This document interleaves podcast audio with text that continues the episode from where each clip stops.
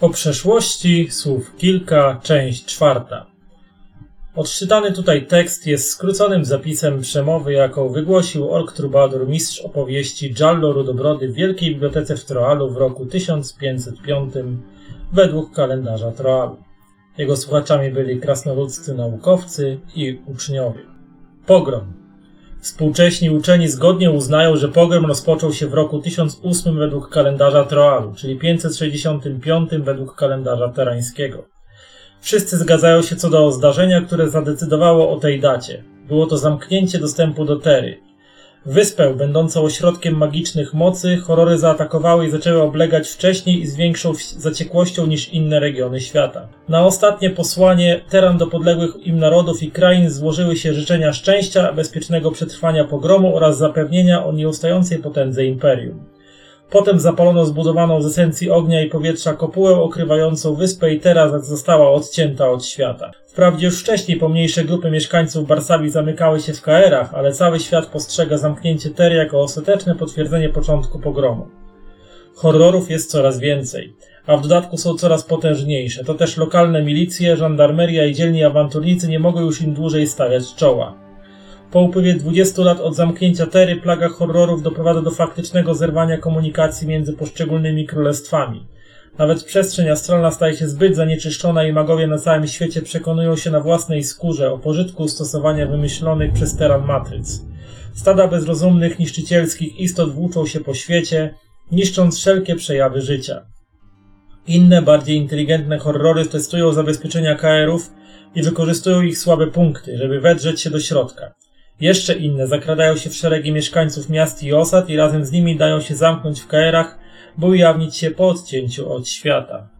Troal i Parlaint Największe ośrodki władzy i kultury, jakim w Barsawi są Troal i Parlaint, również przygotowują się do przetrwania najazdu horrorów, ale usiłują jak najdłużej pozostać otwarte, żeby do ostatniej chwili przyjmować uciekinierów. KR Troalu zbudowano wprawdzie według terańskiego projektu, wzbogacono go jednak o dodatkowe mistyczne bariery, które były dziełem krasnoludzkich mistrzów różnych rzemiosł. Parline zamierza natomiast uciec się do radykalnych środków, magowie mają utkać potężne zaklęcie, które przeniesie całe miasto do jednego ze światów, gdzie horrory nie mają dostępu. Dodatkowym zabezpieczeniem ma być wymazanie wspomnień o mieście z pamięci wszystkich żywych istot w Barsawi. Jeśli wszyscy zapomną o Parline, nikt nie zdradzi horrorom ani miejsca ukrycia miasta, ani nawet faktu jego zniknięcia. Historia stolicy Tery w Barsawi pełna jest bohaterskich czynów i tragicznych wydarzeń, to też zasługuje na osobną opowieść. Jak na ironię, w ostatniej chwili terański namiestnik przestaje wierzyć w skuteczność pomysłu, którego sam był orędownikiem i wraz z najbliższymi współpracownikami ucieka do Troalu. Parline zamyka swe wrota, po czym na blisko 400 lat znika z powierzchni Barsawi i z pamięci jej mieszkańców. Namiestnik wraz, oraz większość wiernych mu ludzi giną w kilka miesięcy po zamknięciu KR-u, kiedy jedna z części Troalu wali się w gruzy. W dniach bezpośrednio poprzedzających pogrom krasnoludy z Troalu bynajmniej nie próżnują.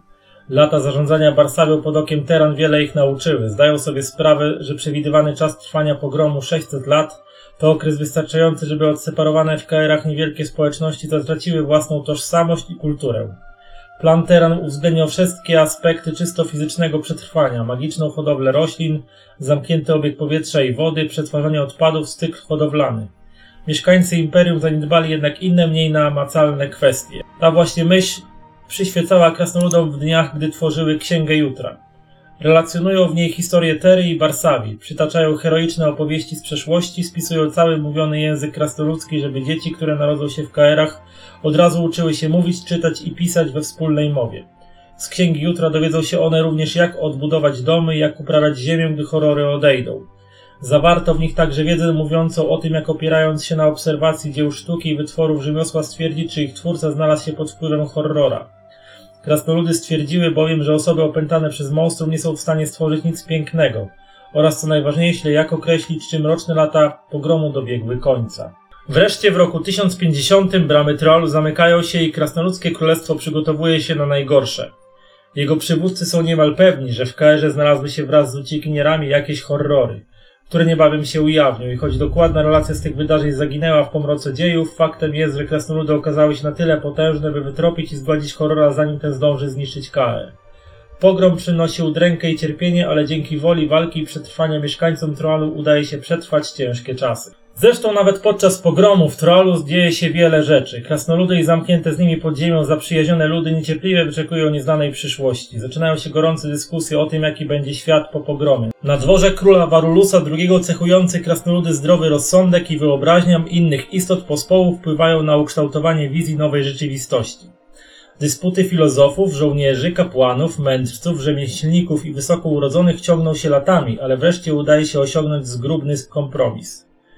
Po raz pierwszy definiuje się prawa jednostki, które zostają spisane wraz z rozumowaniem, jakie doprowadziło do ich sformułowania. We wspólnej deklaracji z 1270 roku deklaracja zostanie wykorzystana jako wzorzec dla odradzających się po pogromie społeczeństw, krasnoludów i ich sąsiadów w Barsawii. Jej treść stanowią przedstawione w zarysie prawa jednostki, prawo własności oraz opis roli systemu prawnego. Ustęp odnoszący się do pierwszego z tych zagadnień zawiera m.in. taki fragment. Wykazaliśmy, iż prawo do własności osobistej jest wartością niezbędną dla funkcjonowania społeczeństwa. Jest w takim razie wygląda sprawa niewolnictwa, czyli posiadania jednej osoby przez inną. Nie ulega wątpliwości, że osoby można uważać za obiekt posiadania. Kto jednak jest w tym wypadku właścicielem? Rozsądek podpowiada nam, że ciałem rządzi duch, który je zamieszkuje, on to bowiem decyduje o ruchach, myślach i działaniach przez to ciało podejmowanych. Zatem to duch korzysta z ciała, które do niego należy. Nawet w języku potocznym znajdziemy odbicie tych poglądów o złym duchu, który opanowuje i kontroluje żywą istotę. Mówimy, że ją opętał. Ale także, że nią zawładnął, czyli ukradł ciało prawito, prawowitemu właścicielowi. Niewolnictwo oznacza przeniesienie praw do użytkowania ciała na nabywcę i nowego właściciela osoby. Przeniesienie to odbywa się bez żadnego zadośćuczynienia dla ducha, który jest faktycznym posiadaczem ciała. Należy zatem uznać posiadanie niewolników za przestępstwo. Deklaracja jest starannie opracowanym i przemyślanym zbiorem przepisów, które mają służyć stworzeniu uczciwego, opierającego się na prawie społeczeństwa, co ułatwi rozwój handlu. Dzięki temu, że wszystkie zapisy opierają się na zdrowym rozsądku, zawarte w dokumencie treści mogą być bliskie sercu każdego mieszkańca Warszawi. Krasnoludcy możni mają okazję zapoznać się z deklaracją jeszcze podczas pobytu w KR i akceptują ją bez zastrzeżeń. Wszyscy, którzy wierzą w deklarację, uważają, że świat po pogromie zupełnie się zmieni, to w sposób ogromnie zaskakujący dla Teran. Krwawa Puszcza w roku 1262 według kalendarza Troalu zbudowany z żywego drzewa Kaer, chroniący dwór elfów, zaczyna się chwiać w posadach. Jego zbawienna moc powoli słabnie, ale nie da się tego uniknąć. Wewnątrz wybucha panika. Elfy zaczynają gorączkowo poszukiwać innych sposobów zabezpieczenia przed pogromem. Nie starczy im już czasu na zbudowanie podziemnych schronień, nie mają zresztą wystarczających zapasów esencji powietrza i esencji ziemi. Gdy horrory zaczynają przedostawać się przez bariery ochronne, elfy ogarnia rozpacz i zniechęcenie. Pośpiechu powstają oddziały lotnej milicji, które mają błyskawicznie reagować na próby przełamania zabezpieczeń, podczas gdy mistrzowie żywiołu będą naprawiać uszkodzone fragmenty i wzmacniać nadwątlone części KR-u. Wtedy to właśnie elfy z puszczy dokonują zaskakującego i przerażającego zarazem odkrycia. Spośród wszystkich horrorów, jakie wdarły się do KR-u, te najbardziej inteligentne, przebiegłe i najtrudniejsze do pokonania, nie zwracają najmniejszej uwagi na elfy, które są szalone bądź cierpią ogromny, nieustanny ból. Doradcom królowej Alachy nie trzeba było wiele czasu, by dojść do wniosku, że horrory, chcąc się nasycić, muszą same zadawać ból innym istotom. Obłęd i cierpienie istniejące niezależnie od ich woli są dla nich niewystarczające. W głowach mieszkańców Smoczej Puszczy zaczyna wykluwać się iście piekielny plan, którego realizacja przyćmi wszelkie okrucieństwa horrorów. Kiedy potwory znajdują się rzeczywiście o włos od przełamania ostatnich zabezpieczeń KR-u, elfy wprowadzają swój desperacki zamysł w życie. Mistrzowie żywiołów odprawiają mroczny rytuał magii krwi, a ten przemienia wszystkie elfy, które przetrwały w lesie, całe ich ciała przebijają wyrastające z wnętrza kolce. Ciernie rosnąc rozdzierają mięśnie i skórę i elfy cierpią nieustanny, wszechobecny, obezwładniający ból. Rytuał prowadzi do śmierci wielu mieszkańców Smoczej Puszczy, ale ci, którzy przetrwali, uczą się żyć w wiecznej męce, a nawet czerpać siłę z cierpienia. W puszczy nie pozostaje nic, co interesowałoby horrory, choć niektóre z nich, te o bardziej zwierzęcej naturze, nie przestają napierać na resztki KR-u, to jednak te najgorsze, karmiące się strachem i bólem, odchodzą szukać ofiar gdzie indziej. Cierniowe elfy z lasu, zwanego od tej chwili krwawą puszczą, znalazły sposób na przetrwanie, ale przyszło im za to zapłacić straszliwą cenę. Koniec części czwartej.